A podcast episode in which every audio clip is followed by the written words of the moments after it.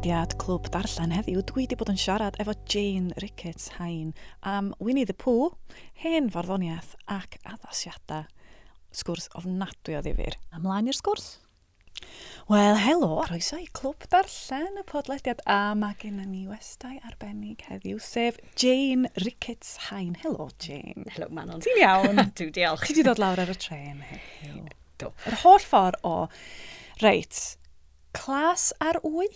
Ia, cywir. Ie, yeah, yeah. dwi oed yn clywed am y lle yna. Esbonio ni lle mae o? Mae'n well, ma pentre bach, bach iawn um, ar, um, ar yr afon gwy. oh, fel ti'n gallu dychmygu. Yeah, yeah. Um, just rhwng y gellu gandryll, Heian ah. Wai ac Aberhonddi.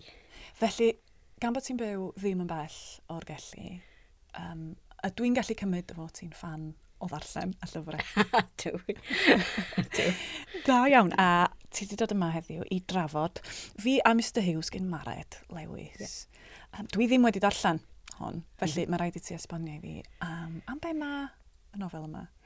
Um, Wel, mae'n dechrau gyda fenyw sy'n yn ei 50au Um, ac mae ei mab wedi newydd i mynd i'r prifysgol. Ah, okay. um, a mae hi'n, um, wel, methu ymdopi gyda'r ah. uh, empty nest nith gwag, ah, dipyn bach. Right. Um, a mae cwpl o cyfrinachau um, yn codi ac yn erbyn diwedd y llyfr mae'n cael ei datrys hefyd, oh, o dat, datgyddio falle.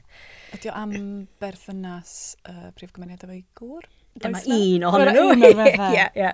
Ac un gyda um, cymeriad arall sy'n um, dim cysylltiad um, ah, gyda fenyw yn y, de yn y dechrau. Ydy nofel dafodieithol?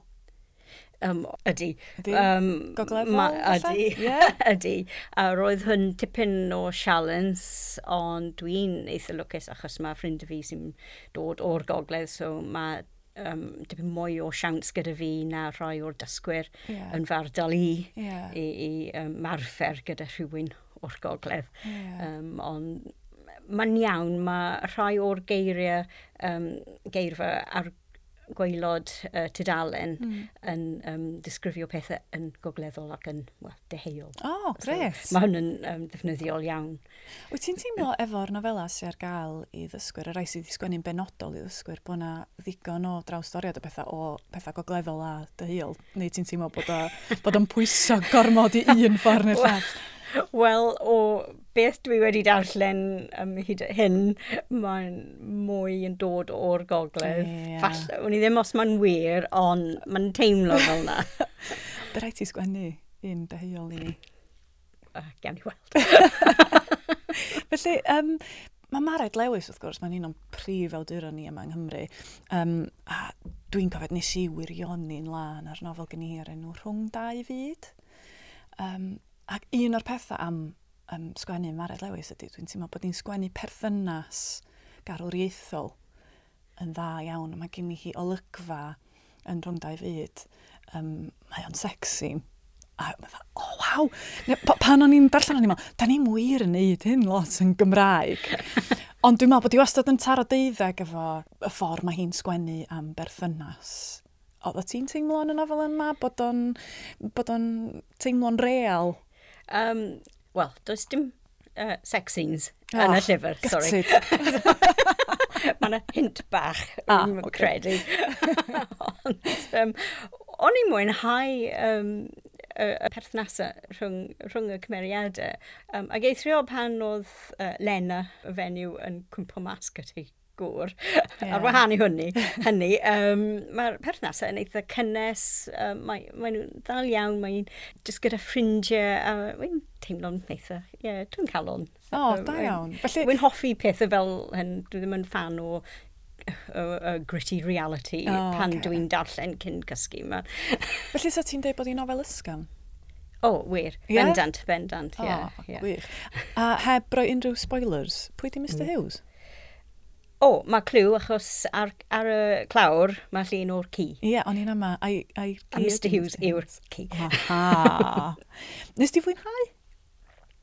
Um, do, oedd e'n bach yn, wel, ar ôl dweud dwi ddim yn hoffi uh, gritty reality, um, mae'n braidd yn ysgafn i fi. Okay. Um, a wir yn sori ddweud, oedd meddwl bach yn araf oh, i, okay, i, i ddechrau yn go iawn. Right. Um, falle, ond wy'n, achos dwi eisiau marfer Cymraeg um, cymaint o phosib, yeah. so dwi darllen yn Gymraeg byth yn gwastraffu amser. Na. So, a um, wi wedi dysgu geiriau newydd yeah, o, yeah. o ffefryn fi, ffwrbwt. Ffwrbwt, ai'n bam. Oedd yn hollol newydd i fi.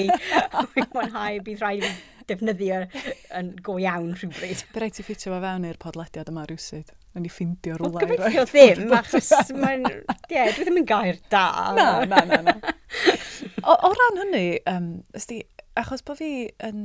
Dwi rioed wedi dysgu iaith fel oedolyn, ond pan ti'n darllen llyfrau Cymraeg, um, ydy o'n broses o ddarllen er mwyn pleser, neu ydy o er mwyn dysgu?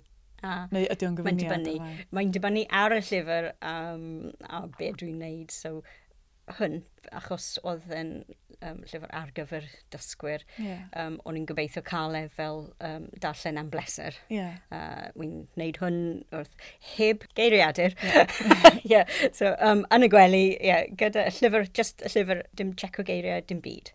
So mae hwn yn darllen am bleser, ond weithiau os mae rhywbeth yn fwy anodd a dwi'n darllen, trio darllen Cilch Grona, mae copio mm. barn gyda fi. Ond... I fod yn deg, dwi'n gorfod cael geiriadur wrth ymwyl pan yeah, dwi'n well. darllen barn. Wel, wy'n sgipio, wy'n just deall, you know, be dwi'n deall, a uh, sgipio trwy, trwy yn eitha gyflym. Ond, uh, ie, yeah, mae dau fath o, o ddarllen i fi, yeah, un sy'n just am bleser ac un i ddysgu yeah. pethau. Ond wrth gwrs, maen nhw'n cymysg gobeithio. Felly, o ran dy chwaith personol di mewn llyfrau, pa lyfrau Cymraeg fysa ti'n dweud ti wedi mwynhau fwyaf? Um, mae addasiad da fi o uh, cysgod y cryman.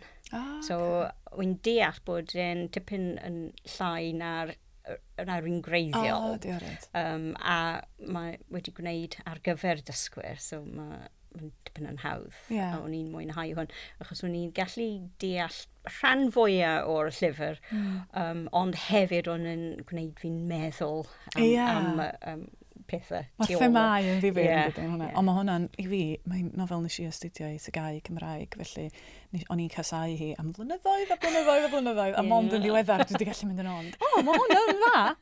Ie, yeah, mae'n hollol gwahanol pan di gorfod astudio yndi, rhywbeth. Yndi, yndi. A mae un, rhaid i fi ddweud, mae un llyfr arall dy fi sy'n um, uchelgeisiol iawn, iawn ond mae'n sôn am sirfais yfed sy'n hartreu yeah. um, a crwydro sirfais yfed oh, gan okay. um, Francis Payne.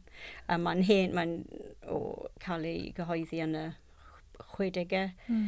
um, a mae'n ffurfiol dros ben, wrth ah. gwrs, a mae'n anodd iawn iawn, ond mae'n sôn am fy mamgu i, fy oh, ardal i, so prynais i'r llyfr o Steddfod, pum mlynedd yn ôl oh, uh, yn syth, achos dyna oedd mam gi.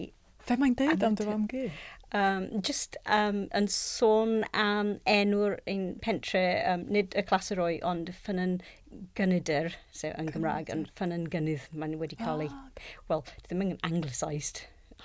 really, ond dyna beth mae'n galw e nawr. Uh, oedd e'n sôn wrth i hi sut i ddweud y ffyn ffynna'n gynnyd. Oh, difyr. So, ond on, on, oedd clist ar dderchog gyda fe, achos just wrth darllen y geiriau, o'n i'n gallu gwrando ar mam fi. Llais hi. Yeah. O, oh, anhygoel. So, mae'n uchelgeisiol, mae'n mae anodd iawn iawn. Uh, um, sgwennodd e ddim y llyfr i ddysgwyr yeah, sure. nac i, i trigolion eisiau rhai sefyd chwaith, Na. achos does dim llawer on ni sy'n siarad Cymraeg. Yeah. Um, ond, wel, rhaid cael rhywbeth i anelu. Ie, yeah, gwych!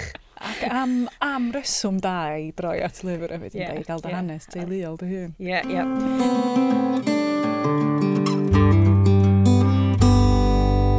O ran darferion darllen di ta, nawn unrhyw iaith, pa fath o beth wyt ti'n darllen fel rheol?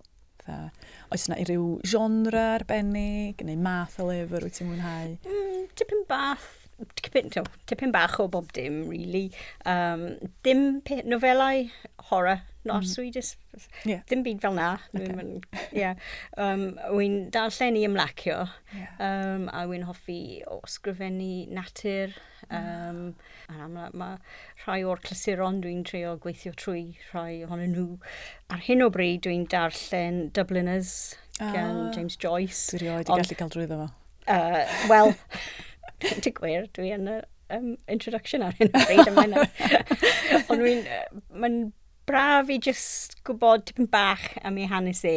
Yeah. Um, doedd e ddim yn Iwerddon am rhan fwyaf o'i fywyd, so oedd yn diddorol i ddechrau. O, oh, mae'n ma ddifur clod ti'n dweud bod, bod ti'n trio gweithio trwy um, drai o'r clasuron, achos... Fe ni ddim wedi gweud gweithio trwy. no.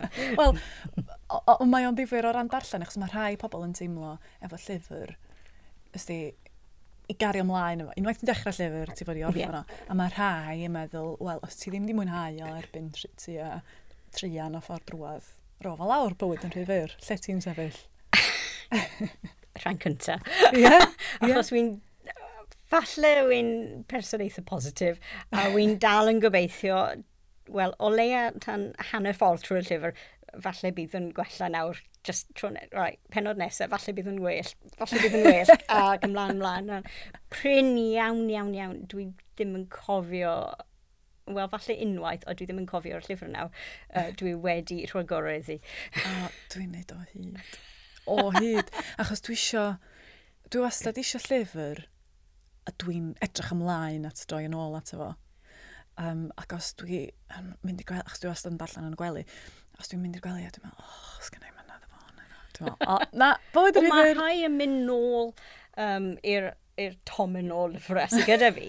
Um, a, ond hefyd, mae uh, llyfrau gorau yn mynd syth yn ôl ah, i'r ah, tomen yeah, hefyd yeah. i gael darllen um, yn ailwaith. O, oh, felly ti'n ailwarllen? Yeah. Syndra.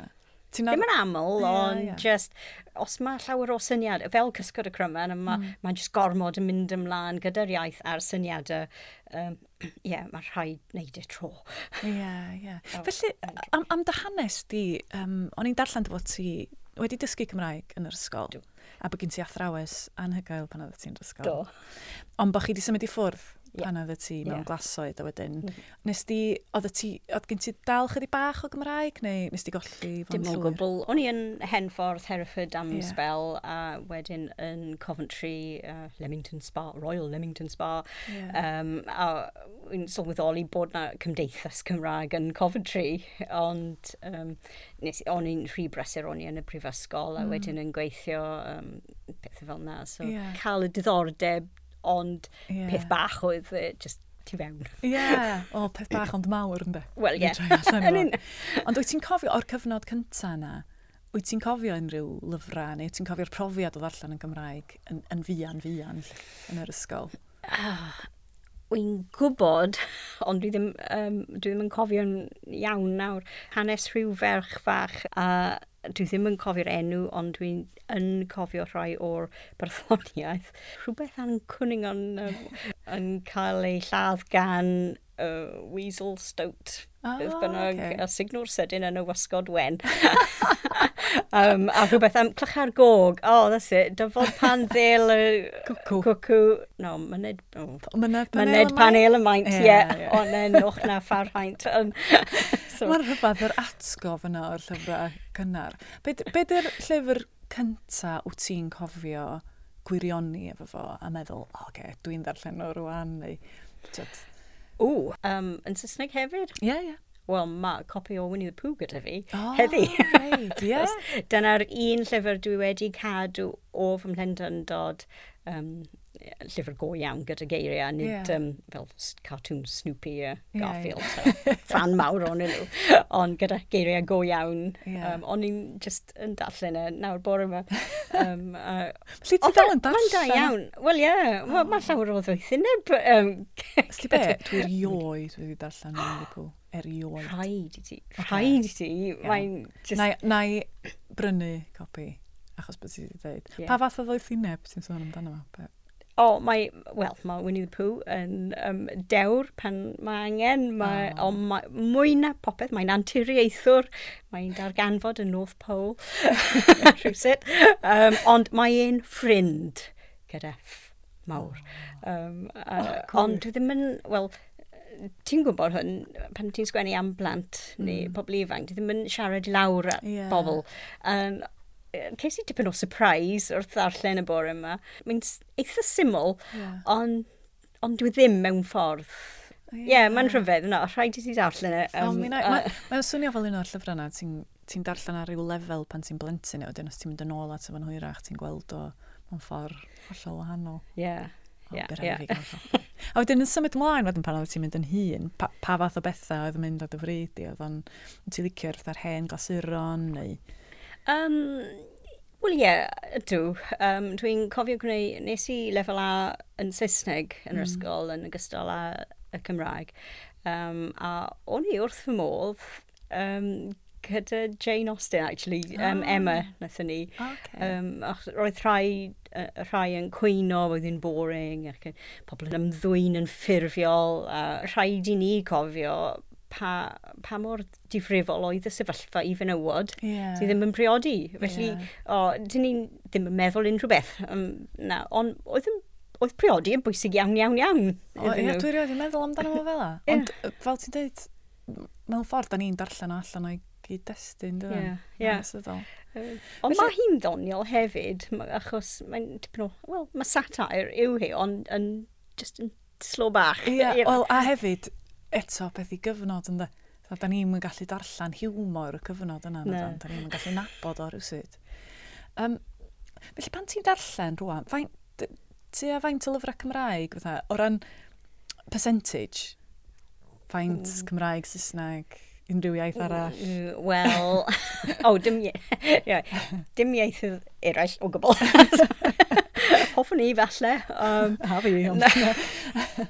um, na, dim digon o lyfrau Cymraeg, just achos mae tomen o lyfrau gyda fi, a wy'n trio gweithio uh, trwydd, trwyddyn nhw. Um, dechreuodd hwn pan o'n i'n yn y prifysgol nes i um, PhD. Ah. A felly am mm, tri mlynedd, um, stopio i darllen unrhyw beth am pleser mwyn lai, ah, a yeah. just darllen ar gyfer gwaith. Mm. Felly o'n nhw'n dechrau um, codi yma um, casgliad gyda fi, a nawr mae, mae deg mlynedd o lyfrau gyda fi. O ti'n fynd efo'n anodd mwynhau llyfrau yn yr un ffordd, achos bod chdi wedi gorfod darllen? Na. Na? Na, mae'n pleser. Hoffwn i weld llai o, o lyfrau ar y domen, ond on, wi yn mwynhau bob pob un ohonyn nhw, yeah. gobeithio.